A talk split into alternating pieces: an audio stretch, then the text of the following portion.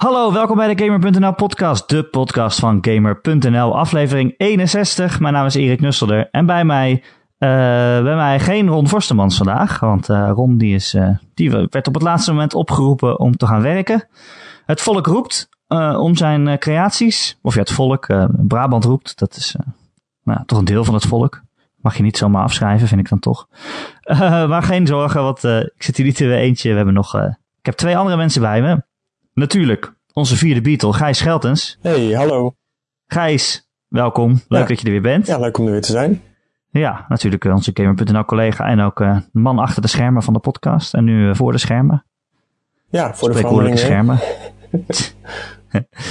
en uh, we hebben uitgenodigd onze gids in de virtuele wereld, Wilbert Meetsma. Hallo.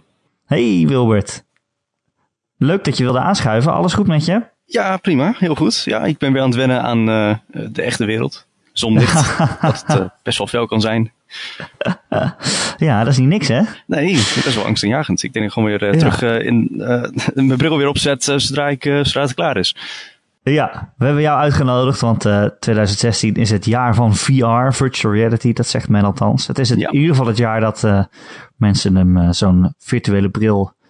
Nou, de bril is niet virtueel natuurlijk. De bril is echt maar de virtuele wereld in een woonkamer kunnen halen. Ja. En, uh, en jij hebt het al in je woonkamer. Ja, Vertel, ik, uh, wat heb je thuis liggen? Ik heb het op met, nou goed, ik heb maar één bril thuis liggen. ik heb nu de HTC Vive binnen, al een week intussen. Ik heb de, de dag dat dat ding beschikbaar was om te pre-orderen, heb ik hem gelijk besteld. Echt gewoon, mijn, mijn bon is van zeven minuten na vier uur. En om vier uur begon dat. En ik heb eh, de afgelopen maand als een bezetene heb ik alle Reddit zitten checken en uh, telkens weer naar mijn mailbox zitten kijken van is hij al, is hij al verstuurd, is hij al verstuurd. en gelukkig, want dat ging niet helemaal goed, gelukkig uh, had ik toen met Paypal betaald, want daar is, dat heb je misschien gelezen op de site, dat met creditcardbetalingen er aardig wat misging. En oh. ja, gelukkig heb ik hem gewoon twee dagen na de, de, de, officiële datum, 5 april, dat hij aan kon komen, heb ik hem binnengekregen. Ja, dus uh, nou, jij kan echt uh, lekker los. En, ik kan helemaal los. En uh, nou, wij, wij, verwachten allemaal heel veel van virtual reality. Dus ja. jij bent de man die ons kan vertellen of onze verwachtingen waargemaakt gaan worden.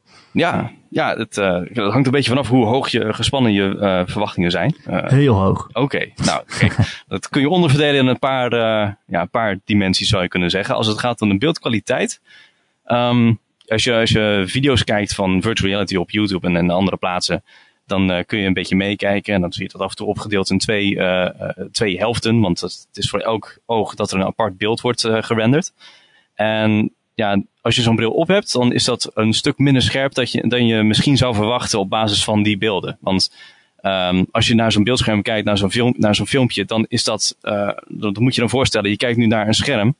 Um, met, uh, en als je dat de kijkhoek zou bepalen, zou het nog geen uh, eh, 45 graden zijn van, uh, van wat je ogen op dat moment zien. En daar over die 45 graden zijn dus in de breedte 920 pixels verdeeld. Um, dat is ja, lekker veel. Dat, dat is namelijk het grote verschil met VR versus een normaal beeldscherm. Bij een beeldscherm kijk je, dan kijk je naar het aantal pixels per inch over, een, over de diagonaal van het scherm. En hoe hoger dat is, dat, dat is dan, dat kort je dan af tot PPI. En dat wordt dan heel veel met geschermd, uh, ook met telefoons. Met 400 PPI, oh dat is zo mooi en scherp en dergelijke. Dat werkt niet helemaal zo in VR, omdat je natuurlijk, je, je, je beeldhoek is ja, veel groter. Het is niet dat ja. je gewoon een scherm hebt, maar je hele gezichtsveld wordt een beetje ingevuld. Nou goed, niet je hele gezichtsveld, want je zou met een, de mens kan iets van 170 graden zien. En met zo'n bril zie je dan 110 graden. Alleen al die pixels zijn dus verdien, uh, verdeeld over die 110 graden. En dat is toch een stuk minder dan, je, ja, dan, dan als je dat op zo'n uh, filmpje ziet. Dus dat is wel iets om je ja, verwachting ja. dus op aan te passen. Dus als je die bril opzet en je speelt het spel, dan is het minder scherp dan ja. de trailer van dat spel die je op je Precies, het is een stuk pixeliger. Het is, het is alsof je in één keer weer naar een 720p uh, scherm zit te kijken. Dus, okay. Ja, oké. Okay. het is, je kan zien wat er gebeurt. Het is duidelijk wat er gebeurt. Maar dat wel scherper gemogen, denk je dan? En alleen dat is gewoon niet haalbaar, omdat je als je dan naar een 4K uh, scherm naar, naar 2160p zou gaan. Ja, um, dat is nogal heftig. Uh, op zich, uh, de gewone resolutie ja, is, is al zwaar. Daar heb je al een flinke videokaart voor nodig. Omdat vooral om ook op dat, de juiste, de hoogste refresh rate te zetten. Normaal ben je 60 fps gewend console gamers die nemen soms ook al genoegen met, met 30. Alleen voor VR wordt heel vaak al de standaard op 90 beelden per seconde gezet. En dat is ja, dus anderhalf keer zoveel werk voor een videokaart als het al de normale resolutie was. Ja, ja. En nu is het iets hoger. Het is een resolutie van, uh, uh, uit mijn hoofd, wat was het ook alweer? Dat is uh, 1200 bij 2160. Nee, ja, ja. Ja, dat is getallen, moeilijk. dus het is, het is al net iets meer dan de resolutie waar men normaal op speelt. En dan dus nog een keer anderhalf keer zoveel beelden per seconde. dus dat, maar dat is moeten ze ook wel doen, omdat je anders misselijk wordt, toch? Als het niet... Ja, ja je moet het wel hoog, uh, hoog genoeg houden. Ik, ik heb nog niet uh, geprobeerd met een veel slechtere videokaart dan ik nu uh, speel. Om te kijken hoe het nou is als je het echt met, iets, met, met de computer doet die het eigenlijk niet aan kan. Want er zijn nogal wat verschillen over wat wordt geroepen, wat, het, wat je minimaal nodig hebt en wat eigenlijk al voldoende is. Uh, overal wordt geroepen van je moet minstens een, een, uh, een GeForce uh, 970 hebben. Dat is een degelijke kaart. Daar betaal je nog steeds iets van ja, 300 euro voor. Alleen, er zijn ook mensen die zeggen van... hé, hey, met mijn 770 van, van Nvidia... en of het equivalent van AMD... dat het op zich ook nog wel werkt. Dat hangt natuurlijk heel erg van het spel af. Sommige, je ziet wel dat heel veel van die games in VR nog het heel rustig aandoen met, met, met beeld en met detail om het gewoon om zeker te zijn dat je die 90 altijd haalt. Maar ja, als je, met, als je het aandurft om met iets minder stabiele framerate te proberen, kun je al redelijk ver komen met een wat, met een wat oudere videokaart. Maar ja, dat is dus op eigen risico. dus ik, ik heb zelf nog niet echt ervaren hoe het is als een, een game uh, ja, echt heel erg inkakt qua, qua, qua soepelheid. Dat, dat ga ik nog uitzoeken de komende weken. Oké. Even, even terug naar het begin dan. Ja, uh, de Vive, dat is, dat is die bril met een camera erop. Mm-hmm. En die heeft toch ook sensoren of zo, zodat je van je kamer een soort holodeck maakt. Uh, dat je eigenlijk ruimte vrij moet maken in je woonkamer. Dat je daar dan in rond kan lopen. En dat het ding dan weet waar jij loopt in het spel. Ja, dat, dat klopt. Dat is, dat? dat momenteel is dat de grote onderscheidende feature van de Vive. Je, je hebt twee kastjes twee basisstations. En die zenden uh, elke seconde echt meerdere keren allemaal lasers rond in je kamer. Die moet je dan dus ook ophangen in de hoeken van je kamer. En liefst zo hoog mogelijk, zodat ze gewoon echt alles kunnen zien. En op jouw bril zelf zitten sensoren die dan uh, die, die, die uh, vangen die lasers op. Die je zenden uit op een infrarood spec spectrum frequentie. Dus je ziet die lasers niet. En, maar je hoeft je geen zorgen te maken, ze zijn niet schadelijk of zo. Het, uh, zijn geen, uh, geen schietlezers. nee, nee, je wordt niet gesmolten en het is ook niet zo dat je ogen uh, daaraan verpest worden als je eventjes naar het ding kijkt. Dus dat valt allemaal reuze mee. Het is niet gevaarlijk voor je. Maar op basis van tijdsverschillen, dat, dat zo'n laser zo'n sensor raakt, kan, ja, kan de software kan bepalen waar je dan precies bent met je bril. Ja, maar... En dat vertalen naar de game. En die vindt altijd dan Heb een je een voorbeeld van een game die je gespeeld heeft, dat je even uit kan leggen wat je daar nou mee kan, precies? Nou ja, wat, hoe dat dan, uh, hoe dat, wat je daar dan aan hebt, is dat je dan een, uh, een ruimte kunt afbakenen. En dat wordt dan uh, jouw loopruimte. Daarin kun je dan vrij rondlopen. En die basisstations die blijven dan schieten. En die sensors die pakken dat dan op. En dan kun je dus gewoon, hoef je niet te blijven zitten, maar kun je gewoon opstaan, rondlopen. En uh, gewoon overal rondkijken. En zoals het dan werkt, je hebt het spel Fantastic Contraption. Dat is een, een puzzelspel waarbij je dan een bepaald bolletje moet je dan in een paars, paars vlak krijgen. En dan moet je dan een soort machine bouwen die dan er naartoe rijdt. En dat, dat wordt dan steeds ingewikkelder. En ja, dat, dat, dat ding moet je dan bouwen. Oké, okay, een soort impossible en, machine of zo. Hoe heet dat? Een soort impossible machine. Ja, die, of, zoals die Incredible Machine, ja, dat, dat hele ja. oude spelletje. En uh, dat, dat, dat, die machine moet je bouwen. Maar goed, dat ding is, gewoon, is dan heel snel net zo groot als jij zelf bent. Dus dan moet je er omheen kunnen lopen. En allemaal verschillende stokken kunnen pakken om dan uh, alle van alles te verstevigen. En ja, dat is dan natuurlijk wel handig als je dan niet in je stoel blijft zitten. Maar je gewoon daadwerkelijk kunt rondlopen. Je pakt een, dat is, daar kom ik zo meteen nog op. Je kunt gewoon, je pakt dan een stok en dat verbind je dan aan een wiel. En dat gaat dan weer naar een andere wiel en et cetera. Nou ja. En omdat die bewegingen gewoon zo goed overeenkomen en dat je gewoon vijf kunt rondlopen, heb je gewoon heel erg sterk een gevoel van dat je daar echt bent. Maar wer werkt dat ook echt goed? Want ik heb toch het idee, want als het, als het, ik kan me voorstellen, als het werkt, dan zit je er echt in. Maar dat het misschien zo vaak net even ernaast zit, of net niet goed registreert, of dat je dan weer tegen de muur aan loopt, dat je er ook net, net best wel vaak uit de ervaring gehaald wordt of zo. Nou, ja, maar goed, uit ervaring gehaald wordt is af en toe wel nodig, omdat je niet helemaal alle kanten op kunt lopen, want dan loop je inderdaad tegen de muur ja, Of tegen je koffietafel. Heeft, uh, ja, precies. Uh, het is wel de bedoeling dat je, ja, inderdaad, tafels moet je een beetje ook uit de buurt houden. Je moet echt wel een ruimte voor jezelf gaan maken. Uh, maar stel dat je dan, je, je baken zo'n ruimte af, maar als je dan bij de grens komt van zo'n ruimte, dan doemt er een, een grid op voor je neus. Zo van, hé, hey, uh, pas op, uh, niet verder dan dit. Uh, ga nu niet in de ronde slaan, want dan sla je de kat ja. weg. Of, ja, alsof dat ding weet waar de kat is. Ja, dat, dat weet het niet, maar laten we dan zeggen de plant. dat je dat niet, of, of, dat je dat niet probeert door de muur te slaan. Dat, daar, is, daar, is op na, daar is over nagedacht. Ja. Dat lijkt me ehm, best wel grappig trouwens, als je inderdaad een, uh, ineens over de kat struikelt of zo. Ja, dat kan ja, het is mogelijk. Nou ja, dat dacht ik dus wel, want je kan dus wel zo'n ruimte voor jezelf vrijmaken, maar ja, als, als inderdaad, ik heb twee katten en die gaan echt wel gewoon in die ruimte lopen, weten zij veel, dan kan je gewoon over struikelen. Mm -hmm. Je zit helemaal in die virtuele wereld, dus je kan het niet nou, zien. Dat is dus waar ze dan met de, uh, met de Vive heel erg goed over na hebben gedacht, want uh, ze, die camera heeft een, uh, heeft daar een hele, speelt daar een hele belangrijke rol in. Want als je het vermoeden hebt dat er misschien iets of iemand in jouw speelruimte komt, dan kun je een paar keer op een knop drukken. Of op de headset zelf of op de controller. En dat je dan, dan kun je met de camera dus om je heen kijken. Dus je bent dan niet helemaal afgesloten van de wereld. Maar je ziet dan de wereld in een soort van Tron-achtige ja, weergave van, van de werkelijkheid. Dus alles, alles is dan monochromatisch in dezelfde kleur weergegeven. Je ziet eigenlijk alleen maar de vormen en niet uh, niet, niet heel vrij weinig detail. Als je lang genoeg stilstaat, zou je misschien nog tekst kunnen lezen. Maar dat, dat in principe zie je, zie je de wereld een beetje alsof ze zijn vergeten om de textures toe te passen. en alsof je alleen maar de modellen van de wereld ziet. Maar het is wel super handig, want zo kun je bijvoorbeeld ook zittend spelen. En als je dan, ja, dan ben je soms op zoek naar je muis of naar die toetsenbord. En dan kun je dus op die manier dat vinden zonder dat je die bril af hoeft te zetten.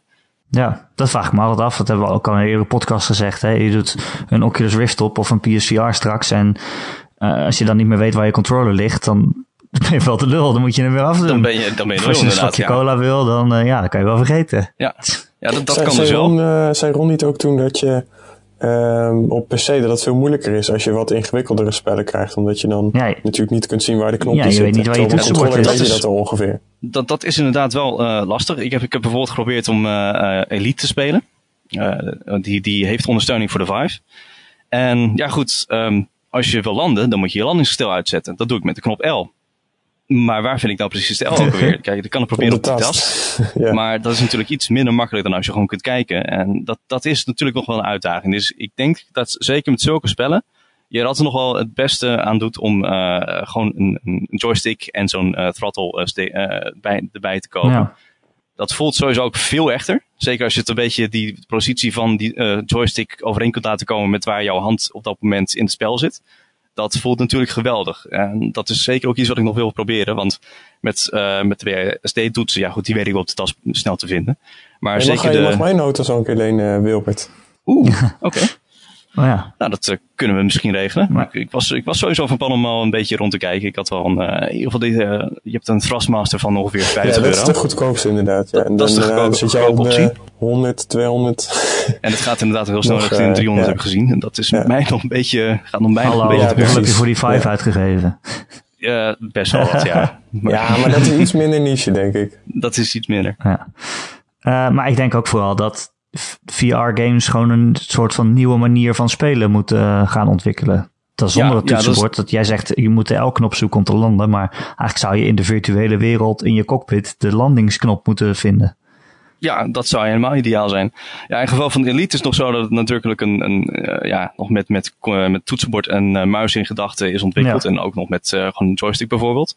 Alleen met de Vive komt ook nog, uh, komt ook nog een speciale controller. Twee, uh, twee controllers die een beetje lijken op een Wiimote, maar dan een stuk groter. Of op de, de PlayStation Move. En die worden, die worden ook getracked. Niet alleen, je niet alleen je hoofdbewegingen, maar ook gewoon die, uh, die controllers worden ook getracked. En zo heb je eigenlijk, daardoor heb je gewoon handen in de virtuele wereld.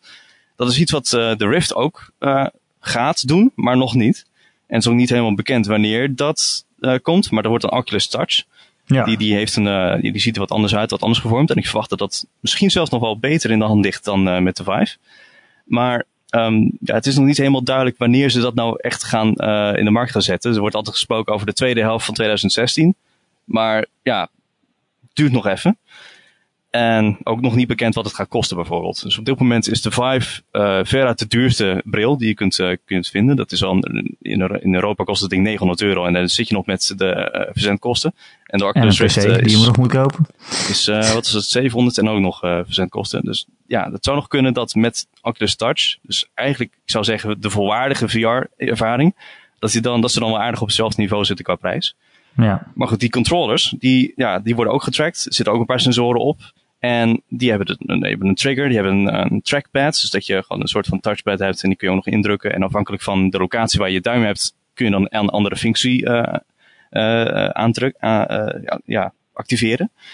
En ja, door het hebben van handen in de virtuele wereld, dat is wel, dat, dat is misschien nog wel interessanter dan alleen maar uh, gewoon een bril op je hoofd hebben. Dat gewoon de, het gevoel van aanwezigheid dat je krijgt door simpelweg iets op te kunnen pakken en weg te gooien, dat is echt heel bijzonder. Dat is dat eigenlijk het spel Job Simulator is eigenlijk puur daarop gericht over hoe gaaf het is om gewoon dingen te kunnen vastpakken en iets in een hendel om te kunnen zetten. Dat is, het, het is iets heel banaals, heel triviaals, iets heel kleins. Ik bedoel, kom op, het is maar iets oppakken en dan weer neerzetten of zo. Maar het is wel heel, heel bijzonder hoe, dat, hoe overtuigend dat is. Want de, uh, er is eigenlijk geen merkbaar verschil in beweging. Als je kijkt naar de Wiimote, uh, dat je dat spelletje Red Steel bijvoorbeeld, of, of ja. gewoon als je aan het tennissen was.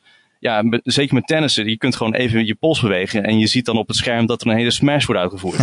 dat maar dat kan niet in VR, want je moet echt die volledige beweging doen om gewoon echt die, om, om dat terug te doen. Het is echt een één op één verhouding tussen wat je doet uh, als speler en wat er gebeurt in het spel. Ja, maar dat maakt en dus dat... ook wel dat je er, ja, ja, aan de ene kant vind ik dat heel vet en aan de andere kant maakt het me wel een beetje zorgen. Bijvoorbeeld ook toen die nieuwe Kinect uh, werd laten zien, toen hadden ze mm -hmm. ook zo'n soort vechtspelletje. Ja. Zo, en uh, dat was ook één op één. Dat als je dan een kickbox trap uh, uitvoerde, dat hij dat dan in het echt ook deed. Ja. En ik dacht, ik keek daarna en, en ik dacht, oké, okay, dat is wel vet. En mijn tweede gedachte was, oké, okay, maar ik kan geen kickbox trap. en als ik dat allemaal zou gaan doen, dan zou ik best wel snel moe zijn. Ja. Word je er niet best wel moe van? Uh, het, is, het is een stuk intensiever dan uh, inderdaad even met je muis een muisknop indrukken. Dat is zeker waar. Want ik heb. Um, ik, de game waar ik nog de meeste tijd mee heb doorgebracht is uh, Space Pirate Trainer. Dat is echt een heel eenvoudig spel. Het is gewoon, je hebt twee pistolen in je hand en je, met verschillende functies. En er komen allemaal drones op je afvliegen en die moet je uit de lucht schieten. Het is een heel eenvoudig concept. Maar om, uh, je bent wel de hele tijd om je heen aan het mikken, met je armen bezig. En uh, probeert tegelijkertijd hun projectielen te ontwijken. Want dat is heel gaaf. Als, zo'n, als ze op jou schieten en zo'n laser komt bij jou in de buurt, dan vertraagt de tijd zich, zodat je een soort van Neo uit de Matrix gewoon achterover kunt duiken om die dingen te ontwijken. Oh, dat, dat kan is... ook echt. Je kan ook echt achterover duiken dan. Nou ja, ik ben niet zo lenig, maar, maar in principe kunnen. zou je dat kunnen doen. Uh, maar, maar zie, dat vind ik dus wel. Dat, aan de ene kant klinkt dat dus vet. En aan de andere kant denk ik, oké, maar mensen die dus heel lenig zijn, die zijn dus beter in het spel dan ik. Uh, ja, dat, zou, dat is een extra, ja. extra dimensie. Ja, ja als, je, als, je, als je in een, als je in een uh, rolstoel zit, ja, dan zal dat je waarschijnlijk een stuk minder aanspreken dan als je het gewoon uh, zittend met muis en keyboard kunt spelen. Ja, daar heb ik niet eens over nagedacht. Ja. Iemand in een rolstoel die er met de Vive gaat spelen. Ja. Hey, en waar ik ook nog wel benieuwd naar ben, uh, ja. Wilbert, is uh, dat vind ik een beetje doorklinken in die, die spellen die je hebt gespeeld, dat het heel erg als tech-demos nog voelt. Mm -hmm. uh, wanneer, wanneer komen nou de echte games? Daar, ja. daar ben ik dan heel erg benieuwd naar. Ben ik ook benieuwd naar, want inderdaad, ik ben het met je eens. Het zijn allemaal nog een beetje, het, het, is, het is nog heel erg laaghangend fruit. Want nu vinden we het nog geweldig om alleen al een pistool in je hand te hebben, door de iron size te mikken, gewoon echt te mikken en iets te proberen uit de lucht te schieten. Dat, dat is nu nog hartstikke bijzonder, maar ja, uh, het, 100 jaar geleden was het ook nog hartstikke bijzonder om, een, uh, om op een scherm een trein aan te zien komen op een station. Ja. Uh, vlucht iedereen uit dat... de bioscoop uit omdat ze dachten dat ze overreden werden. Ja, ja, volgens verhaal inderdaad. Ja. En op dat punt zijn we nu eigenlijk. Uh, we zijn nog niet op het punt van, dat, dat, uh, van, van Nosferatu en, en Gone with the Wind. Of, of, en zelfs later. Citizen Kane. maar ja, klopt. Maar ook een hele, hele leuke Iedereen vraagt altijd wat is de Citizen Game, Kane van games. Ja, daar, ja. Goed, die hebben we al lang. Beetje domme vraag, maar goed. Dat is Candy Crush, nee. Ja. Nee, nee, nee, sorry, sorry, dat, dat meen ik niet. Maar uh, ja, dat is, uh, we zijn nog heel erg in een experimentele fase. Dus als je graag een, een, een hele grote, volwaardige, zoiets als game als The Witcher 3 of zo, uh, verwacht nu op dit punt in VR, ja, dan ga je natuurlijk verschrikkelijk teleurgesteld worden. Want um, dit is zo nieuw nog. Deze besturing bijvoorbeeld. ja, hebben developers nog maar een jaar mee kunnen proberen. Dus daar, daar kun je nog niet al te veel van wachten. Er zijn heel veel problemen die je nu hebt uh, om, om bijvoorbeeld informatie te tonen aan een speler. Ik bedoel, wat, hoe doe je dat met een inventory? Uh, als, als je, of, of, je, of bepaalde statistieken. Um, daar, zijn nu wel, daar worden dan dingen voor bedacht. Gewoon dat je bijvoorbeeld dan grijpt naar je, naar je middel waar dan een riem hangt. Met allemaal potions en dergelijke. Dat, dat is dan een optie. Maar ja, op een gegeven moment zijn er wel wat abstractere dingen. Die dan veel ingewikkelder worden.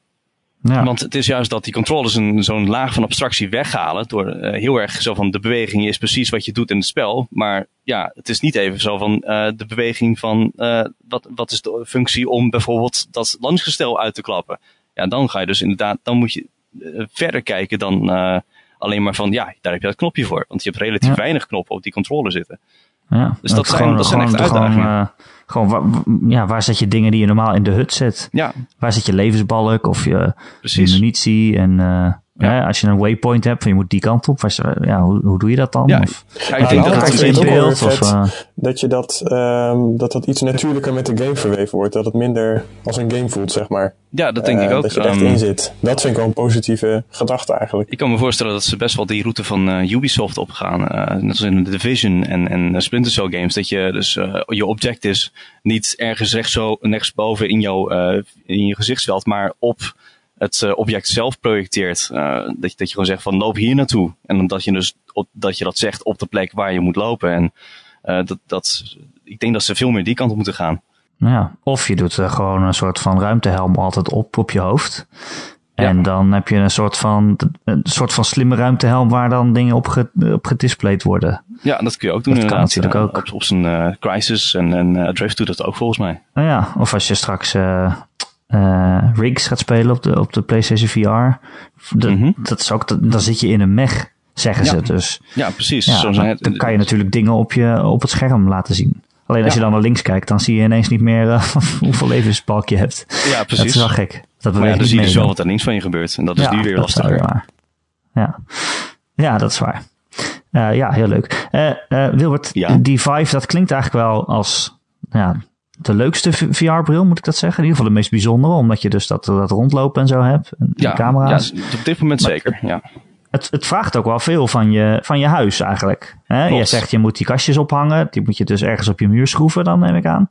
Ja, ja, dat wordt op zich wel gewoon netjes uitgelegd door de handleidingen en dergelijke. Dat is, ook niet, dat is geen rocket science. Is, was, het trouwens, uh, ja, was het trouwens moeilijk om te installeren? Of, uh...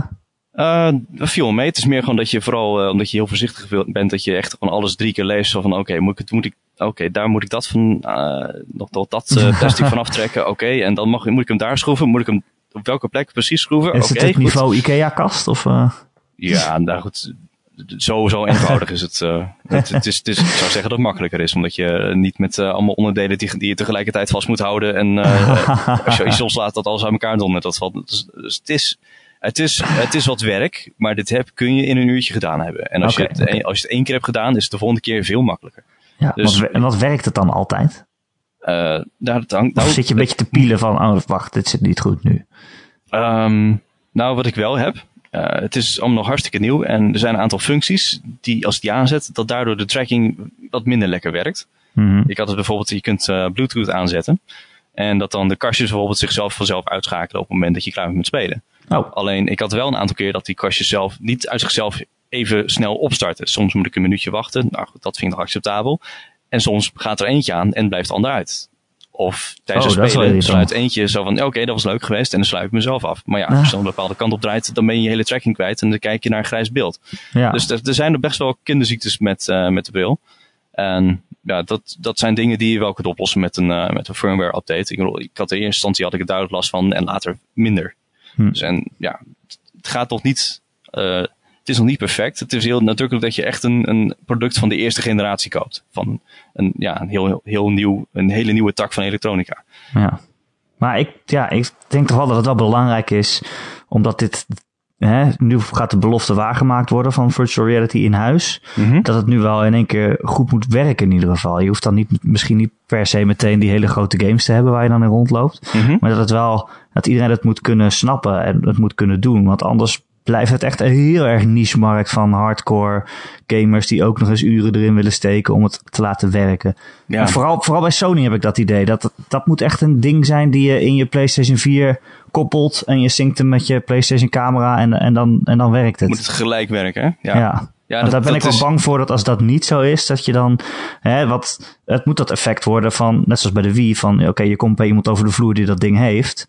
Uh, en je zegt, hey, mag ik dat eens proberen? En dan doe je hem op en dan, en dan vind je het superleuk en dan denk je, wow, dat moet ik ook hebben. Ja. En als je dat als je dan krijgt van, oké, ik ben bij iemand op bezoek. Oh, mag ik dat ook even proberen? Ja, wacht even. Dan moet ik eerst even dit moet nog even het ritueel dit, dit dan op je hoofd. En dan, jij moet ook een, eh, een, eh, poppetje aanmaken. En dan even instellingen. En oké, dit, mhm. dit moet dan allemaal goed zetten. En dan ben je een half uur verder. En dan, ja, dan wordt het er wel een probleem, denk ik. Ja, dat, het, is, dat is, het is het zeker wel hoor. Het, um, het is toch even wat extra moeite doen. Dat klopt.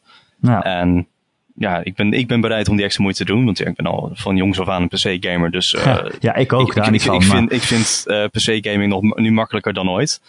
Uh, met alle automatische driver-updates, et cetera.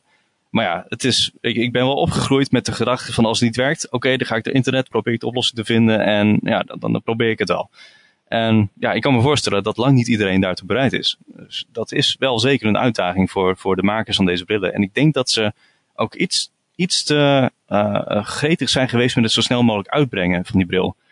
Um, dat, daar hadden ze, ik denk, ik denk dat beide brillen, uh, ik, ik, heb, ik, ik, heb de Rift zelf niet, die, uh, maar daar heb ik wel heel veel over gelezen. En daar, heb je, daar lees je bijvoorbeeld dat hun online platform heeft een vriendenlijst, maar daar kun je niks mee doen.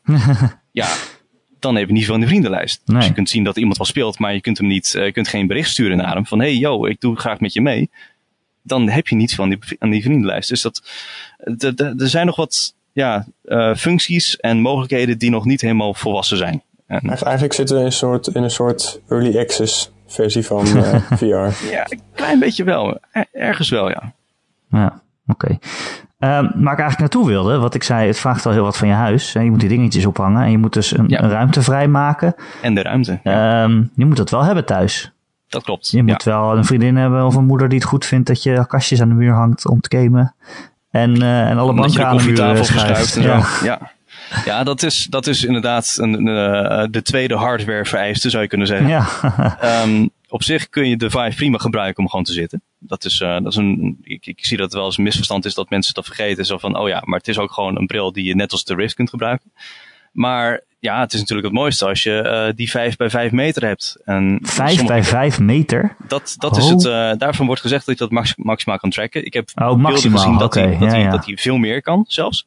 Dat het uh, systeem precies genoeg is om, om zelfs ook gewoon 10 bij 10 te halen. Ja, hallo, dan moet je maar gewoon buiten gaan staan. Daar, dat kun je bijna wel, hè.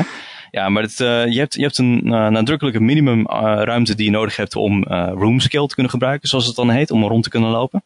En dat is anderhalf meter bij twee of tweeënhalf. Nu Oeh. ik zeg, begin ik te twijfelen. Ik zit te bedenken is... of in mijn woonkamer of ik daar genoeg ruimte voor zou kunnen maken. Ja, dat is, dat is het een beetje. Je moet, en, en als je die ruimte hebt, dan is het ook nog zo dat per game het kan verschillen wat, je, wat voor ruimte je nodig hebt. Ja, want als jij zegt je moet een hele contraption bouwen en dan Oké, ja, als die contraption te groot wordt, dan kan, dan kan het dus al niet meer. Dat, dan wordt het al lastiger. Dat ben, heb ik inderdaad uh, tegengekomen. Want ik heb, in de game zelf zie je dan mooi een groen platform van 5 bij 5 meter. Alleen dan wil je naartoe lopen en dan krijg je al de, je, je, uh, je chaperone grid uh, die je waarschuwt om van hey yo, niet verder, tot hier niet verder. En dat voelt beperkend, ja. En dan kun je natuurlijk wel met trucjes kun je dat, kun je dat overbruggen. veel gebruikte mogelijkheid om gewoon verder te komen dan je kamer toestaat is te teleporteren. Uh, Fantastic Contraption gebruikt dat niet. Dus dan moet je een beetje gaan uitschuiven met, uh, uh, met, met stokken om, om dan toch je machine te bouwen zoals je wil. Ja. Dat, het is niet super handig en dan voel je je wel beperkt. En dat houdt je er ook wel een beetje uit. En er zijn andere games die gewoon, uit, die gewoon uitgaan van een vrij kleine ruimte. bijvoorbeeld Space Pirate Trainer. Ik, noem hem weer, want ik vind het toch eigenlijk wel... Het is super eenvoudig, maar wel hartstikke tof. Maar die heeft veel minder nodig. Is gewoon die anderhalf bij twee meter. die, die haal ik gewoon. En dan zie je ook gewoon op, op in het spel ook een bepaalde uh, ruimte afgebakend. Zo van dit is eigenlijk waarvan ik uitga dat de speler nodig heeft. En dan kun je meer gebruiken. Maar dat is het minimum. En als je dat hebt, kun je het gewoon spelen. Oké, ja. Um, ja, je, je, loopt rond in die ruimte. Mm -hmm. Ik neem aan dat er ook nog een kabel achter je aan zit. Ja, dat klopt. Is dat niet uh, lastig? Uh, je, je, voelt dat hij er is. En het is ook moeilijk te vergeten dat hij er is. Dat, dat klopt, ja. Het is een lange kabel. Daar kan je toch ook over struikelen, neem ik aan? Ik ben er nog niet over gestruikeld. het is altijd dat je oh. gewoon ook niet eens in de buurt van struikelen. Dus dat, je bent je er gewoon nog wel van bewust. Want dat ding gaat met je, achter je rug naar beneden. En als je dan een rondje draait, dan voel je hem dus bij je benen. En dan stap je eroverheen. En op een gegeven moment wordt het een soort van extra zintuig dat je hebt. Ehm, maar ja, die verandert natuurlijk dat je het ding helemaal niet hebt. Ik bedoel, hij is, hij is lang zat. Hij is uh, ruim vijf meter. En ja, maar als, ik bedoel, als je een paar rondjes loopt... Kan het fout gaan. dus er worden ook, uh, de developers worden ook op het hart gedrukt van... ja, zorg ervoor dat je je spelers niet uh, eh, 16 keer rechtsaf laat, laat, af laat staan. want ja, dan gaat het fout.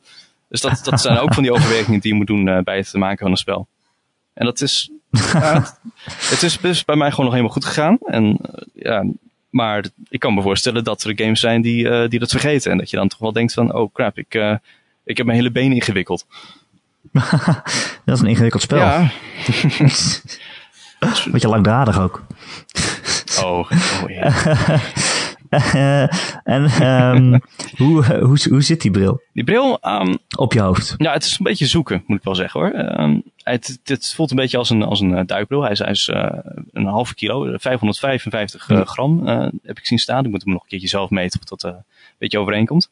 En het is, ik, ik, ben nog, ik heb mijn ideale fit nog niet echt gevonden. Daartegen zijn er okay. wel meerdere de, ja, opmerkingen en video's online van jongens, ik, ik deed het eerst verkeerd en ik dacht dat ik het goed deed. En nu doe ik het wel goed. En het, is zo, het maakt zo'n verschil. Dus die, daar zijn genoeg uh, video's daarvan die me de goede hoop geven dat ik die fit nog ga vinden. Uh, de meeste... wat, wat kan je er allemaal aan pielen dan? je kunt, er zitten drie straps op die achter je hoofd samenkomen. Dus eentje boven je hoofd en twee aan de zijkant. En die kun je, ook, alle, kun je allemaal in lengte verstellen. En ja, de kunst is dus om een beetje te, de manier te vinden. Ik heb gelezen dat het blijkbaar het slimste idee is om de bril op jouw jukbenen te laten rusten. En dat dan de bovenste rand van het schuim, uh, dan, dat het dan te, uh, tegen het midden van je voorhoofd komt. Dat zou een beetje de ideale pasvorm zijn. dat, dan zie je het ook het beste. Dan heb je ook het minst last van vervaging naar de randen van je scherm toe. Want tekst mhm. lezen is wel een uitdaging. Het is niet zo dat je met je ogen even snel langs een paar regels gaat, maar dat je meer je hoofd moet, de, de regel moet laten volgen. Dus dat soort dingen. Dat, dat, ik, ik ben er nog niet helemaal uh, uit of ik het een geweldig comfortabel ding ben. Uh, vind. vind. ik ben, ik ben heel erg comfortabel, maar...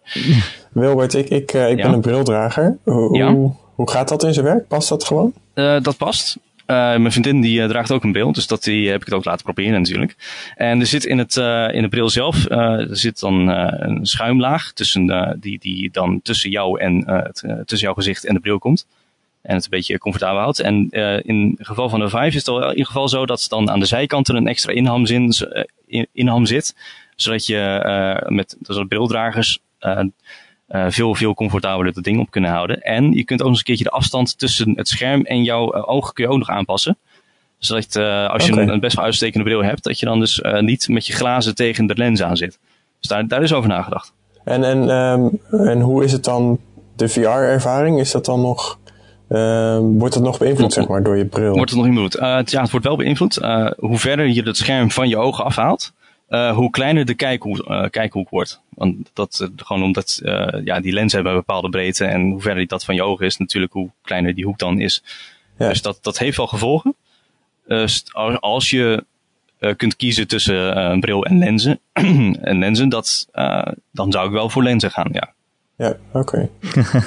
ja, uh, ik heb mijn ogen laten lezen, dus uh, oh, kijk, ja. überhaupt geen last meer van. Dat is, Over lasers gesproken in je huis. Ja, precies. Je kunt de lasers helaas niet gebruiken om je ogen uh, scherper te krijgen. Nee. nou, ik zou het ook niet thuis proberen. Nee. Dat moet je wel door professionals laten doen. Uh, ja, waarom, waarom kan zo'n VR-bril eigenlijk niet uit zichzelf op sterkte zijn? Dat, dat vraag ik me eigenlijk altijd al af. Uh, ik heb ik wel gelezen zo, uh, van, uh, van bedrijven die bezig zijn om lenzen te, te slijpen die dus al een, die al een ja, hoe noem je dat, een, een afwijking van zichzelf hebben, een prescriptie ja. Die, die daar dus daar al rekening mee houden. Dus dat je dan gewoon helemaal niks meer hoeft te doen voordat je de bril opzet. Die zijn er. Nee, precies. Dat zou toch moeten kunnen eigenlijk. Ja. Nou ja. Of virtual reality ehm, lenzen. Ja, precies. Heb je nog een andere leuke game gespeeld, Wilbert? Want dat vind ik eigenlijk wel het belangrijkste. Uh, binnen of zijn de, game, Zijn de games leuk? Binnen, binnen VR, VR, ja. ja. Uh, Zijn de games leuk? Uh, is, vind je het de moeite waard? Tot dusver, ja goed, het is nog heel vroeg. Uh, ik heb ook nog lang nog niet alles gespeeld. Dus ik heb, wat ik al in ieder geval wel heel tof vond, was de demo van Budget Cuts. Daar heb ik met heel veel plezier gespeeld. Je speelt er in een soort ja, bedrijfspion, denk ik. Het is, het is een beetje nog licht met, met informatie die je krijgt. Maar je moet in ieder geval binnen een bedrijf moet je rondsluipen om uh, jouw eigen uh, uh, ja, aanname, sollicitatie goed te keuren met een stempel. Dat ligt dan ergens op een bureau en dan moet je gewoon een stempel opzetten. Alleen om daar te komen, dat is nogal een uitdaging. begeleid met jaren 60 spionnen, veel muziek, moet je, oh, moet je over doorheen sluipen. En word je, moet je vooral ook zorgen dat je niet wordt gezien door de robots die er rondlopen. Dat zijn niet, dat zijn niet gewoon werkrobots of zo, maar het zijn een soort bewakingsrobots. En als ze je zien, dan gaan ze hard geluid maken en beginnen ze op je af te rennen. En te schieten op jou. Dus je, het, is echt, een sluipgame. En je krijgt er een aantal middelen mee om daar dan gewoon uh, om daar vanaf te komen. Je kunt uh, ten eerste kun je altijd gewoon proberen om ze te ontwijken. Dus je bent dan heel erg bezig met achter muurtjes te schuilen, om de hoek te kijken van ziet hij me, ziet hij me niet. Oké, nee, dan uh, ga ik met mijn, teleporter, ja, mijn teleporter probeer ik er langs te komen. Dat kan. Of je gaat met messen gooien of, een, of met dartpijltjes dat je dat met een kruisboogje dat je op ze schiet. En het is opvallend spannend. Ik, ik moet zeggen, ik dat, uh, op zich toen uh, stealth games het altijd wel goed voor mij. Uh, kan ik altijd wel heel spannend vinden. En diezelfde spanning had ik ook nu weer. Dus ook, het is, het is hier wel goed genoeg om het niet, geen afbreuk te doen aan de ervaring. En dan ook eens een keertje, ik werd op een gegeven moment gesnapt. En bij mij intern gingen alle paniekalarmbellen gingen af. En, en dat ik in gewoon automatisme met messen omheen begon te werpen. En dat er op een gegeven moment drie, drie robotlijken omheen lagen. Dat ik dacht, oh crap. Eh, dat, dat, dat, dat, toch nog goed ging. Maar dat, dat, was, uh, dat, dat, smaakte heel erg naar meer. Dat was echt een korte demo van, ja, daar ben je met een 20 minuten ben er doorheen. Dus eigenlijk okay. gewoon één level. En ik, ik, was, ik vond het erg tof. Gewoon uh, door allemaal laden zoeken naar de sleutel om dan een kluis open te krijgen. Om dan een, een raster daar het stroom af te halen. Zodat je dat van de muur af kunt trekken. Dat je dan door de muur heen kunt teleporteren. Dat je gewoon, en dat je op een gegeven moment moet je dan door boven het plafond zo'n kruipruimte dat je daarin teleporteert rond te kruipen. En dat je dan moet kijken of, of, je, uh, of je dan weer rustig naar beneden kunt. Uh, dat, was, dat werkte heel goed. Dat werkte heel erg goed. En dat vond ik erg tof. Oké. Okay. Nou, hoe lang kan je achter elkaar VR'en? Word je, bedoel, word je er misselijk van? Of um, hoe voel je je als je de bril weer afzet na een, na een speelsessietje? ik moet zeggen, ik ben nog niet misselijk geworden. Uh, ik heb daarentegen me ook voorlopig gehouden bij de games die heel erg op uh, room scale werken. En dus dat je gewoon rondloopt in die ruimte en al je bewegingen komen overeen met wat je ziet. En dat ja. zorgt ervoor dat je gewoon helemaal geen last hebt van, van simulatieziekte. Um, ik heb ook wat uh, Elite geprobeerd, maar niet zoveel nog. En daar voelde ik al wat meer zo van, oh wauw, ik ben nu aan het optrekken en, en, ik ben nu een bocht aan het maken. Dat voelde ik al wat meer. Ja. Maar ik, ik, ik ben nog altijd wel goed, uh, goed, uit, uh, goed eruit gekomen. Ja. Is het niet gek als je hem dan weer afdoet, die bril? Dat lijkt me zo'n even zo'n momentje dat je even moet knipperen. En, uh... Ja, dat is best wel gek inderdaad. Dat je gewoon, uh, dat, dat je, twee uur lang ben ik bezig geweest met schieten en sluipen en wat dan ook. En dat ik dan mijn bril afdoe en denk, oh wacht, ik sta in mijn huiskamer. Ja. Die, ervaring hey, hebben we gehad, ja. Dat is best wel bijzonder. Ja. Ik ben op de kat gaan zitten. Maar um, ik, heb, ik heb daarentegen ook wel gewoon even gehad dat ik af en toe mijn ogen weer moesten wennen aan, aan, de, uh, aan, aan, de, weer, aan de werkelijkheid, om het zo te zeggen. Ja. Um, kan zijn met de manier waarop ik dan de lens heb afgesteld. Dan ben ik ook nog een beetje aan het zoeken wat uh, de afstand tussen de lenzen is ook weer een belangrijke iets belangrijks om uh, bij te houden. Want ja, niet, niet iedereen heeft dezelfde afstand. Nee. Dus je pupillen. En daar, uh, daar zijn trucjes voor om dat uit te vogelen. Uh, ik ben nog heel lui geweest en ik wilde dat ding gelijk omhoog zetten. Dus daar heb ik dan niet. Uh, ik heb het vooral gewoon in de headset zelf uh, geprobeerd. En dan de schuiven en zo van. kijk nu naar de controller. Er staat, het, staat HTC op de controller. Je ziet dat scherp. Zie ik het ook met mijn andere scherp. nou, volgens mij wel goed genoeg. Ik ga spelen. dus dat, dat ga ik nog, nog wat preciezer uitvogelen. Maar dat, tot dusver gaat het nog goed. Ik heb wel gewoon inderdaad de eerste dag nadat ik dus die bril intensief heb gebruikt. Wel even dat mijn ogen. Ja, ik denk vermoeid zijn. Ja. Het, het, het, voelde anders, niet pijnlijk of zo. Ik denk dat je ogen best wel moe kunnen worden van de hele tijd zo'n scherm recht voor je ogen. Ja, ja, ik weet het niet. Of het is vooral dat mijn ogen heel erg uh, moeten focussen op wat precies voor mij staat. Omdat als ik uh, meer de hoeken in kijk, dan merk ik al dat uh, het wat meer blurry wordt. Ja, ja. Dus misschien dat mijn ogen moeten wennen aan het, aan het gegeven dat ik altijd heel natuurlijk één kant op kijk. En dat is met een normaal beeldscherm wat minder zo. Ja. Ja, ik, dat, dat, weet ik niet. Ik voelde me wat anders, maar de volgende met de keren daarop viel het over een stuk mee. Dus het is ja, een soort van ja, zeebenen, maar dan VR-benen. VR-benen. Oké, even ter conclusie. Zou je het nu mensen aanraden die denken van, oh, ik wil dat wel proberen? Het is wel hmm. duur natuurlijk. Het is... Het, is, het is wel heel duur en de games zijn ja, nog niet, niet echt op, uh, zijn nog redelijk onvolwassen. Dus ik, ik zou, ik, ik vind het heel erg gaaf. En iedereen zou het in ieder geval op termijn moeten proberen. Ja, iedereen moet gewoon bij jou op bezoek komen. Ja, nou ja, dat hangt er vanaf of mijn vriendin dat goed vindt. nou ja, die vindt het ook al goed dat je al je meubels aan de kant schuift. En uh, kunnen nou, er ook nog wel bij. Ik, ik, ik, zit niet, uh, ik, heb, ik heb sowieso niet zo'n heel uh, ruim appartement. ik, ik haal het niet, die 5 bij 5 meter haal ik ook niet. Nee. maar ja, ik moet inderdaad een beetje schuiven met de stoel en de tafel. En dan, dan komt het wel goed. En dat vindt zij goed, want ik heb het ook haar laten spelen. Dus, dus, dat is wel het handige van dat je, als je een vriendin hebt die ook een gamer is. Hè? Ja, ja goed. Ze is niet eens zo'n zo'n eh, zo'n hele fanatieke gamer. Ze houdt zich vooral bij uh, Mass Effect en Dragon Age. Nou, Doet dat het dan wel weer heel nou, erg hallo, fanatiek. Dat zijn toch ook wel even games waar je even... Dat zijn op zich wel even games waar je, waar je voor zit. Maar het is... Uh, maar bijvoorbeeld, dat is wel heel erg heel specifiek genre wat ze leuk vindt. En ze is nog een beetje ontdekkende. Dus, maar ze begrijpt in ieder geval mijn uh, enorme interesse voor, uh, voor, voor virtual reality. Ja, precies. Uh, maar aanraden, ja, nee. Het is, je moet het maar even afwegen of je het het waard vindt voor ik de... Zou het, ik zou sowieso proberen om het ergens te proberen. dus ik zou het sowieso ergens proberen om dan niet twee keer het woord proberen in dezelfde zin te gebruiken. Ja, probeer dat even te vermijden, ja. ja. dus uh, ja, ik zou, ik zou het niet blind kopen, dat sowieso niet. Nee, daar kan je niks zien in zo'n virtual reality bril. Nee, precies. en ja, het is ook geen schande als je een generatie wacht, denk ik hoor. Dat, dat, dat, denk ik ook weer niet. Het is, het is heel spannend, het is heel bijzonder, het is heel, heel gaaf.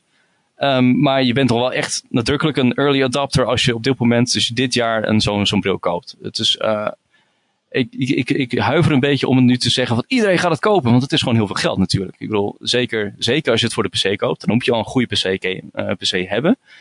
En dan eens een keertje zo'n uh, bril van honderden euro's. Ja, dat, dat, is, dat is nog een investering. Ja. ja. Dus ik, um, ik vind het heel gaaf, maar ik bedoel, ga er geen lening voor afsluiten, alsjeblieft. Dat, nee. doe dat niet. Nee, precies. Oké. Okay. Uh, ander nieuws. Gijs. Ja. Jij en ik, wij, zijn, uh, wij houden heel erg van Mirror's Edge. Zeker. Ik weet eigenlijk niet of Wilbert er ook heel erg van houdt. Um, ik heb het al gespeeld. Ik vond het uh, gaaf, maar ik moet zeggen, daar kreeg je dan wel weer de bewegingsziekte. Oh, van Mirror's Edge, ja? Oh, ja. ik vond het juist echt wel goed gedaan, omdat je, je zo aan het rennen, freerunnen, en, maar je ziet ook haar handen en haar voeten zie je overal. denk ik. Uh, nee joh. Als ik, misschien dat het beter gaat. Ja, het hangt een beetje vanaf hoe je... Beweging is nog best wel een, een, een probleem ja, voor ik zou geen free nog... free run game in een VR-bril stoppen. Dan word je volgens mij Nee, want dan loop je heel hard tegen de muur aan. ja, ook dat, ja. ja. dat ook, ja.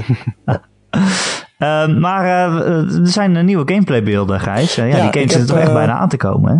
Ja, een paar, een paar grote YouTubers en ook IGN en PC-gamer, geloof ik. Ik heb, ik heb een heleboel films gekeken. Er kwam heel veel overeen. Um, maar wat een beetje de kern was, is dat het heel erg als Mirror's Edge voelt. Dus dat is oh, heerlijk. volgens mij heel positief. Uh, die flow zit er nog steeds in. Uh, ja, het, het ademt echt gewoon Mirror's Edge, vind ik. Ja, um, want wanneer komt die game uit? Het is volgens mij volgende maand mei, al, toch? Eind mei, dacht ik. Ja, 26 uit mijn hoofd, maar weet ik niet zeker. Best wel snel. En dus, begint de beta, hè? 22 ja. tot 26 april. Ja, ik vind dat wel bijzonder dat daar een beta van komt. Ik dacht dat beta's alleen waren voor multiplayer games. Ja, er zit natuurlijk wel een beetje een multiplayer componentje in, maar ook niet... Uh... Beta is steeds meer een demo aan het worden hoor. Het is echt gewoon een, echt gewoon een demo. demo. Vind ik niet erg. Nee. Want ik ben blij dat ik er alvast een stukje mag spelen. Ja, maar ja. tenminste, als je daar waar ik wel voor uitgekozen wordt. Is dat het um, het is wel echt een open wereld game geworden. Zeggen ze althans. Uh, maar dat heb ik nog niet echt teruggezien in die gameplay video's. Dus ik ben wel benieuwd in hoeverre dat echt uh, je die vrijheid krijgt. Ja, nou wat volgens uh, mij vorige E3 zagen was inderdaad een open wereld. En dan kan je naar de missie toe lopen waar het verhaal verder gaat. Maar, maar je kan ook andere sidequest dingetjes doen, collectibles-achtige dingen en kleine missietjes. De, ja, dat kan je dan opzoeken en dan kan je dan heen lopen. Um, maar wel gewoon, je, je, loopt wel in die, in die freerun modus ja. natuurlijk. Dus. Wat trouwens wel, wat je zegt, uh, dat is wel grappig. Ik, ik zag ook een, in een van die gameplay video's zag ik ineens een pop-up van, hey, zoveel van de zoveel dingen verzameld en zoveel ja. dingen. En dan ben ik weer heel bang dat het om die, ja, ik noem het maar even Ubi Ubi-klusjes worden, weet je wel, van torens beklimmen, vlaggetjes verzamelen. Uh, dat vind ik niet echt in Mirror's Edge passen. Nee, ja ik, ja, ik weet het eigenlijk niet. Kijk, de eerste Mirror's Edge was, uh, was een hele goede game, ook omdat het zo bijzonder was. Heel niche ook. Ja, het was heel niche. Het is ook niet echt een heel groot succes geweest of zo. Dus dat er überhaupt een vervolg is, dat mogen we wel heel blij mee zijn. Het is een beetje een cult game. Ja, um, maar ik zie, ik zie ook dat ze het juist een beetje meer naar de mainstream proberen te brengen. Door inderdaad die, ja. uh, die open wereld opzet. Um, en uh, er zit ook unlocks in. Dat is ook wel een uh, puntje waar ik nog even Wat, kritisch op ben. een betere schoenen of zo? Nee, volgens mij ging het echt om, om uh, moves. Dus um, wie zei dat nou? De lead designer of zo? Ik weet niet meer precies wie het heeft gezegd. Maar een van de ontwikkelaars die zei dat heel weinig spelers in de originele Mirror's Edge uh, die omdraaiknop gebruikten.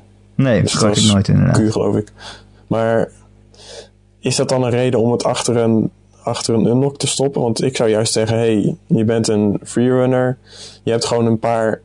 Want daar, daar draaide Mirror's Edge om. Je had gewoon een, een paar hele basic moves. Um, waarin ja. je, waarmee je gewoon die hele stad kon uh, trotseren eigenlijk. En ik, ik weet niet... Ik denk dat het een slecht idee is om het achter unlocks te gaan stoppen.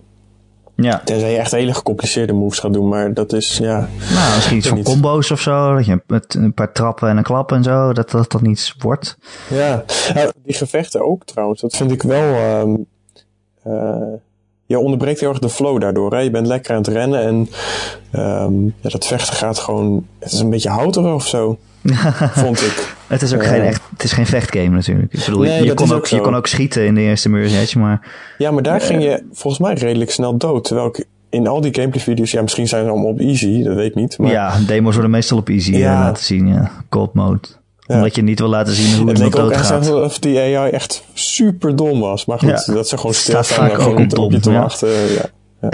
Maar goed, dat... Ja, het zou wel gaaf zijn als je in die game uh, ook echt achtervolgd wordt. Uh, dat je dus echt als een bezetene moet ontsnappen. Ja, dat en zag ik ook je eigen route van. Uh, wel, ja, wel een paar stukjes dat je inderdaad binnen de tijd moet ontsnappen. Uh, maar ze hebben ook uh, runner vision onder handen genomen. Eerst was het gewoon alleen dat je één... Meestal was het dan gewoon een pijp of een, een plank of zo die, die rood werd. Van oké, okay, hier, mm -hmm. dit is een, een route. Maar nu heb je echt... Uh, dat schijn je dan wel uit te kunnen zetten. Maar zie je echt een soort bewegende lijn van... Oké, okay, dit is de route die je het best kunt nemen. Juist. Maar goed, in die zin ja, vind ik het dan ook een beetje gek. Want ja, dat heb je ook als je in de open wereld rondloopt. Dan zeggen ze, oké, okay, nou, je moet zo lopen. Dat zegt die lijn dus eigenlijk, hè. Zo'n bewegende lijn van, oké, okay, je moet ja, ja. hier wallrunnen, hier klimmen. Wel, uh... Maar ja, aan de andere kant... Ja, dat heb je zoveel ook wel leuk om je eigen route te vinden. Maar je hebt dus zoveel spellen. Nou, ik bedoel, als je in GTA zegt, oké, okay, mijn waypoint is daar, ik wil naar de volgende missie, dan trekt hij ook een lijntje van uh, ja, hoe je dan okay, moet rijden. Ja. Maar, dat, ja, maar dat is dan een GPS dat ja, nou, dat is ongeveer toch wel hetzelfde wel weer. Ja, een soort, soort volgende generatie ja. ervan. Ja. Dat vind ik wel interessant van uh, Mirage. Want als je kijkt naar het eerste deel, dat, dat was uh, dat altijd heel slim met, uh, met de vormgeving. Door een redelijk witte wereld neer te zetten. Maar dan je door middel van kleuren aan te geven van... hé, hey, kijk, dit kun je vastpakken. Hier moet je naartoe springen. En ik ben heel benieuwd hoe ze dat dan ja, aanpakken. Heel minimalistisch, hè? Ja, heel minimalistisch inderdaad, maar ja. wel heel functioneel. Gewoon ja. door, door, door, door die kleur. Uh, dat, ja, die kleur is heel functioneel gebruikt. En ik ben dus benieuwd hoe ze dat dan gaan toepassen in een, uh, een open wereld. Want ja, in geval van het eerste deel was het heel lineair. Dus er was ook maar één bepaalde route. Of een paar routes die je kon nemen. En nou, dat is niet. En in geval van een sandbox game is natuurlijk dat je vanuit allerlei verschillende kanten kunt komen. En de, uh, de omgeving moet daar natuurlijk ook op gebouwd zijn. Dat je dus altijd wel een relevante uh, route kunt zien.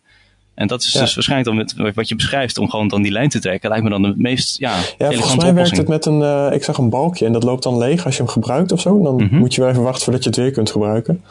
Ik geloof dat in de eerste Mirror's had, had je ook een knop, maar dan draait uh, Faith zich gewoon naar, uh, naar de objective toe. Oh ja. Dus je, je weet van oké, okay, die richting is top.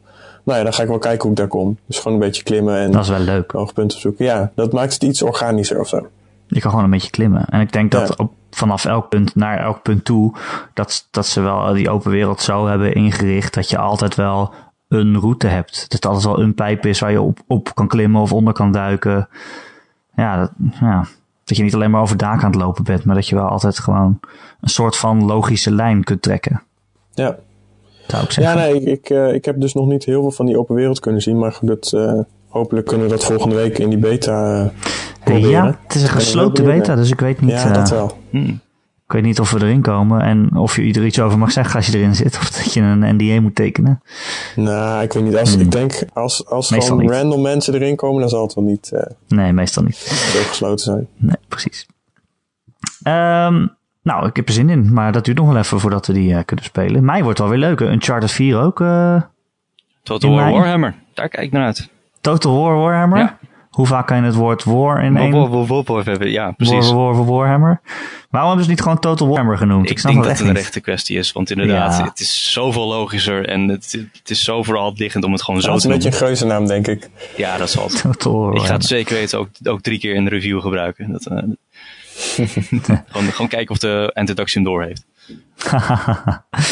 Uh, ja, nou, dus mij wordt een mooie maand, maar dat duurt nog wel eventjes. Wat ben je nu aan het spelen, Wilbert? Ben je nog iets zonder de Vive aan het zonder spelen? Zonder de Vive? Is het, uh, um, nou, is het allemaal Vive tijd? Nee, het is niet allemaal Vive tijd hoor. Gewoon, uh, af en toe moet ik ook eventjes uh, rustig kunnen zitten en bijkomen. en dan speel ik zelf regelmatig War Thunder. War de, de, de World, World, of Tanks, maar dan beter. Want ook met vliegtuigen. Oh, daar heb ik nog nooit van gehoord. Nou, ik, ik heb het, ja, het is ook een beetje lastig om te zeggen van... Kijk, nou is het tijd om die, om die game te reviewen. Want hij is voortdurend in ontwikkeling. Het was begon Ja. met vliegtuigen. En, en dat zijn nog geen tanks bijgekomen. Dus alleen het heeft nooit, het is niet in een early access fase. Het is geen beta. Het is al een volledige versie eigenlijk.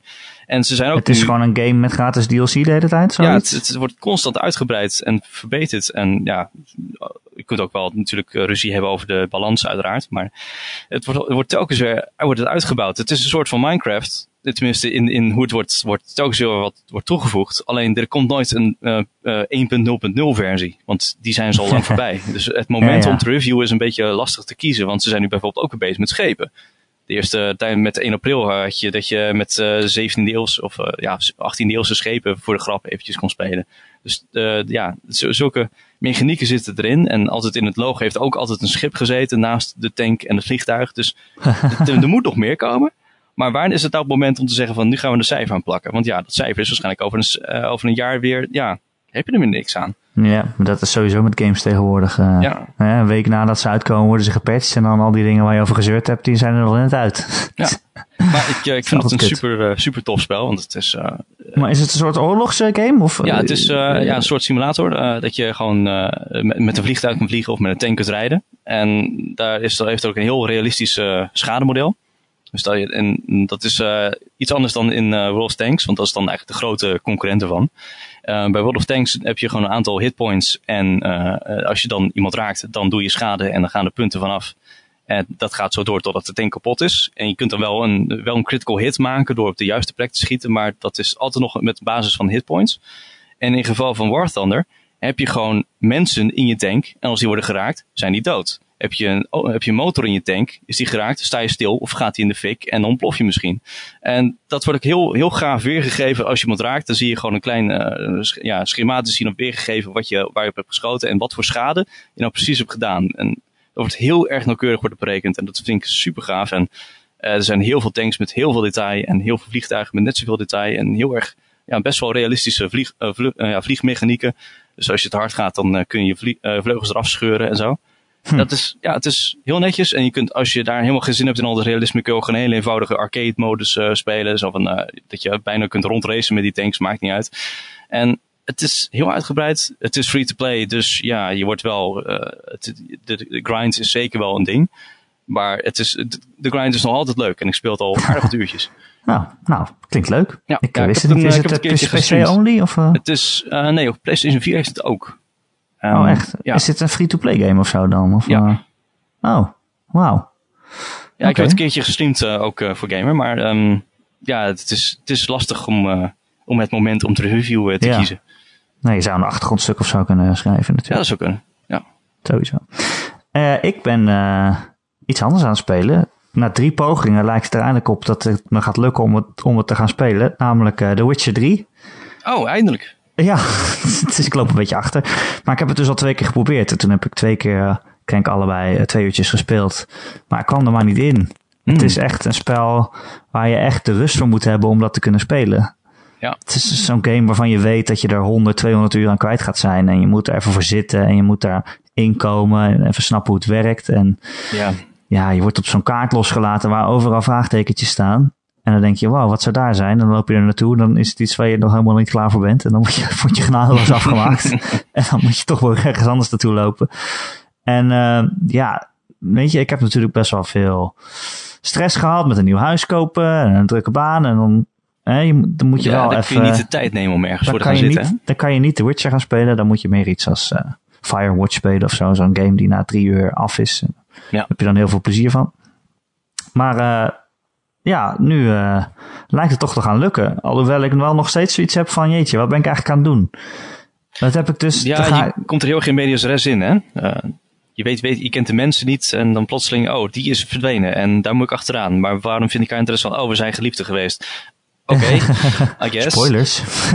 ja, dat, dat weet je in de eerste cutscene al, dus dat is geen spoiler. Ja, nee, precies.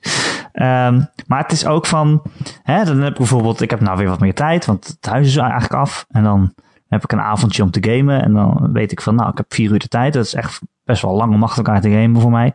Dus ik ga vier uur lang lekker, uh, lekker zitten spelen, The Witcher. En dan, hè, de, de, van tevoren heb ik dan echt zo het gevoel van, ah, dan kan ik echt weer een stukje verder komen. Dan kan ik echt mm -hmm. wat gedaan krijgen. En dan begin ik met spelen en dan loop ik naar mijn volgende objective toe. En dan onderweg kom je iemand tegen met een vraagteken boven zijn hoofd. En die vraagt je dan iets. En dan denk je, oh, oh dat is wel interessant. Dan ga ik dat nog even tussendoor doen. En dan hè, ga je, ben je weer zo'n sidequest aan het doen. En dan kom je weer iets anders tegen. En dan ja. zijn die vier uur voorbij. En dan ben ik eigenlijk helemaal niet verder gekomen. Dan kijk ik terug en dan denk ik, wat heb ik nou gedaan? Ja, maar toch ook, ook, ook, ook, die, ook die sidequests zijn altijd best wel heel netjes geschreven. Er zijn altijd wel, er zit altijd wel een extra, een extra laagje in, waardoor het toch, ja, uh, het dat voelt als als bijzonder. Het is wel, hebben ze echt heel erg goed gedaan. Ook gewoon de wereld zoals die hebben neergezet, die is zo geloofwaardig en, en goed uitgedacht en zo, ja, zo diepgaand. Dat, dat is zeldzaam goed. Ja, ik vind dat inderdaad wel heel bijzonder.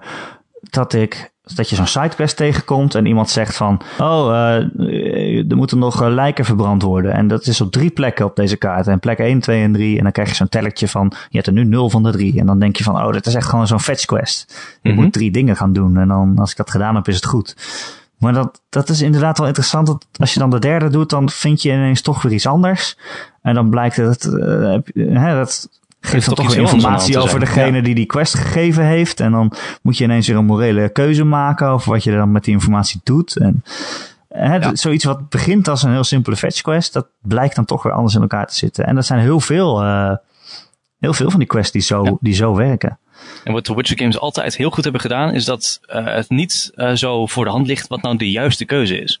Nee. Dat vind ik ook, heb ik altijd heel goed gevonden. Dat, dat, dat je denkt van, oh, ik help die. En dat ze dan even later doen, doen ze iets en dan ben je verschrikkelijk benadeeld. En ja, precies. Van, ja, maar het was ergens wel de juiste keuze, denk ik, in die omstandigheden. Maar ja, shit.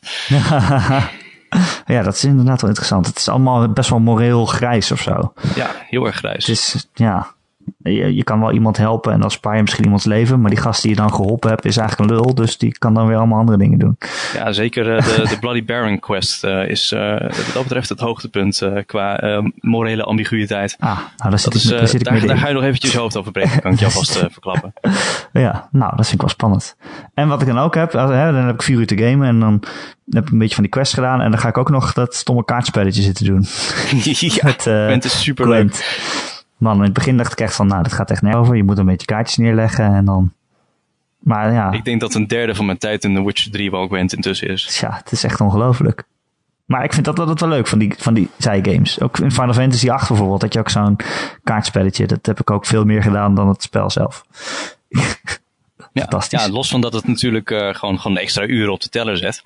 is het ook gewoon iets wat uh, wat, wat die wereld echter maakt. Omdat natuurlijk zijn er mensen die in zo'n wereld even afleiding nodig hebben. En ja, dan is het toch hartstikke leuk als je zelf ook gebruik kunt maken van die afleiding. Dat, dat ja. helpt alleen maar meer met het bouwen van die wereld. Precies, ja. ja. Nee, ik vind het... Ja, nu poging 3 vind ik het best wel een leuk spel. Maar ik weet niet... Ik weet niet of, of ik het volhou of zo. Dat wat ik zeg, je hebt dan weer vier uur... Je hebt je avondgame weer gehad en dan kijk je terug en je bent nog niet verder. En dan denk ik, ja, ja. hoe ga ik dit spel ooit uitspelen dan? Ja, ja, je kunt je natuurlijk gewoon bot gaan richten op de main quests en ja, de belangrijke quests. dat lukt niet. ja. Dat ik loop daarheen ja. en dan kom ik weer wat anders tegen en denk, oh, dat is leuk. Nou, ik denk niet dat je uh, uh, ja, je schuldig moet voelen over, je, over een enig gebrek aan vooruitgang. Nee, dat ja, is ook zo. Het is nog steeds, je komt altijd weer iets tegen en ook, ook de omgevingen zelf gewoon, zijn gewoon prachtig. Dus Ja. je ziet altijd wel iets. En het is nooit echt voor niks dat je iets aan het doen bent. Nee. nee, dat heb ik al geleerd in mijn gamende leven. Dat eh, als je gewoon eh, ergens plezier van hebt omdat je het aan het spelen bent, dan is dat, ja, hè, daar gaat het toch om dat je het leuk vindt. Ja. En als je het niet meer leuk vindt, dan moet je het mee stoppen. Want vroeger dacht ik, zo'n Assassin's Creed, dacht ik van, oh, je hebt zo'n kaart en er staan allemaal kistjes op en allemaal vraagtekens. Dat dacht ik, ik moet alles doen. En dat, dat hoeft helemaal niet. Ik hoef, ik hoef ook niet naar alle vraagtekens.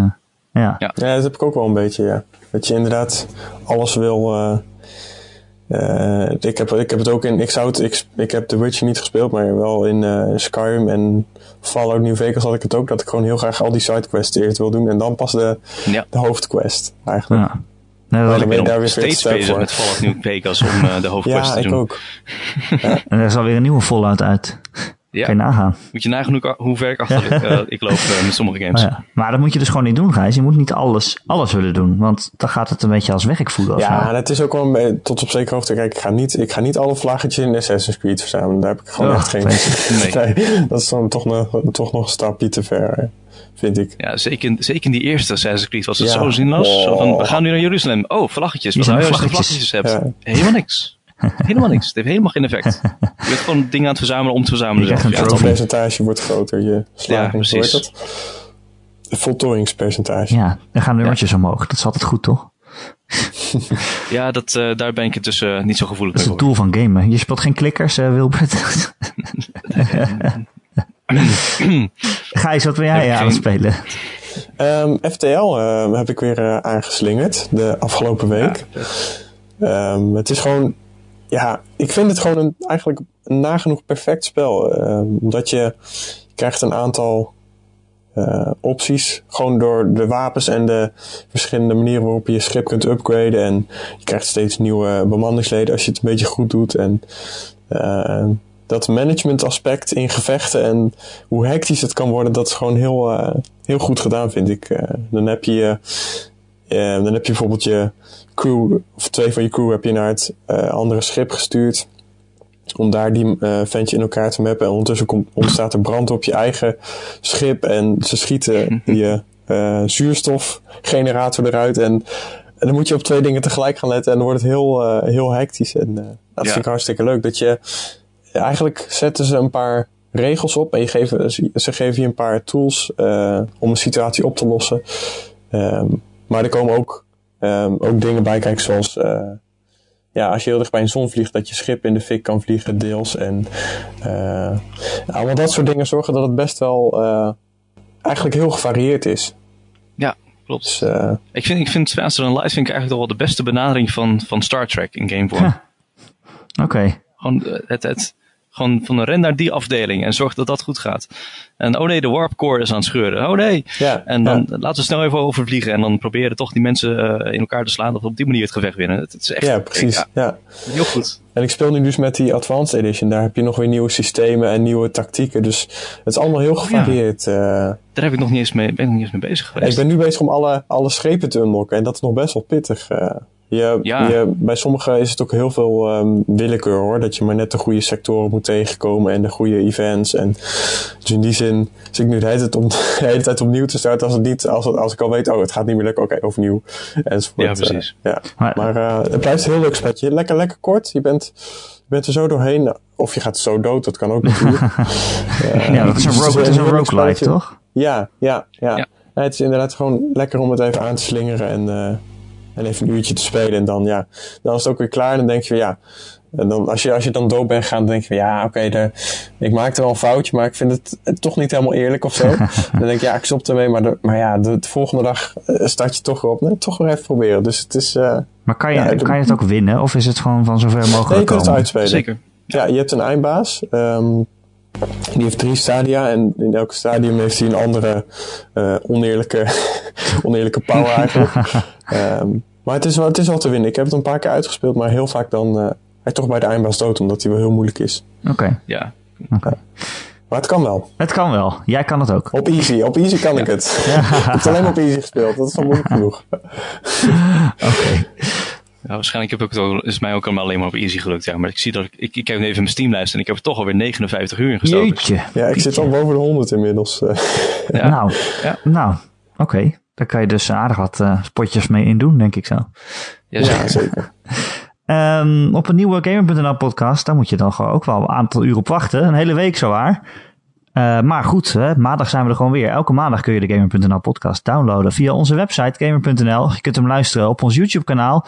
Of uh, je kan je gewoon lekker abonneren via iTunes. Dan krijg je hem vanzelf op al je Apple producten. En als je daar toch bent, zouden wij het heel leuk vinden als je ook een keer een reviewtje achterlaat. Of een, uh, en, en een sterrenrating.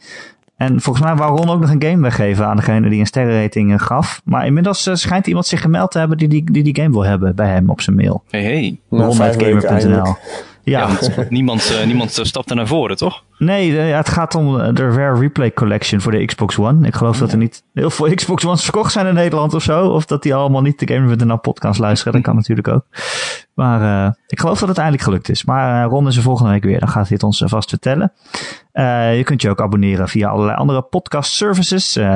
Zoals Pocketcast of zo op Android. Hartstikke handig. En dan zijn we allemaal te vinden. Heb je een vraag of een opmerking over de podcast? Of heb je een onderwerp wat je graag wil dat wij uh, een keer bespreken? Dan kun je dat mailen naar erik.gamer.nl. Erik met een k.gamer.nl. En wie weet kom je dan voor in onze podcast. Hartstikke leuk.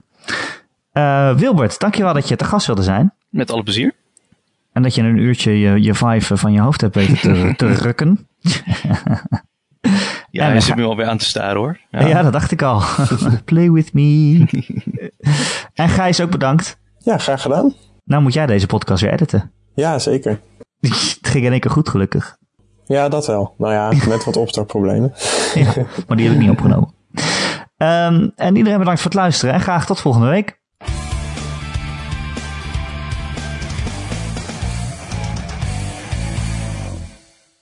Hey uh, Wilbert. Mm -hmm. Even tussen ons. Ja. Heb je al uh, porno gekeken erop? Nee, nee, ik heb het nog niet geprobeerd. maar het lijkt me in ieder geval ja, toch wel heel vreemd hoor. Dat, het dat lijkt mensen me je dan plotseling direct aankijken. Dat, uh... dat je er dan ook omheen kan lopen. ja, of dat. Ja, ik geloof dat, ik geloof dat ze vooral meestal nu van die point-of-view uh, video's uh, daarop Ja, van die point-of-view video's, ja. Maar dat je dan gewoon, terwijl iemand op je bezig is, dat je dan gewoon aan achter je kijkt. Wat, wat, wat, wat voor schilderij er op de muur hangt, zo achter je. Dat lijkt me leuk.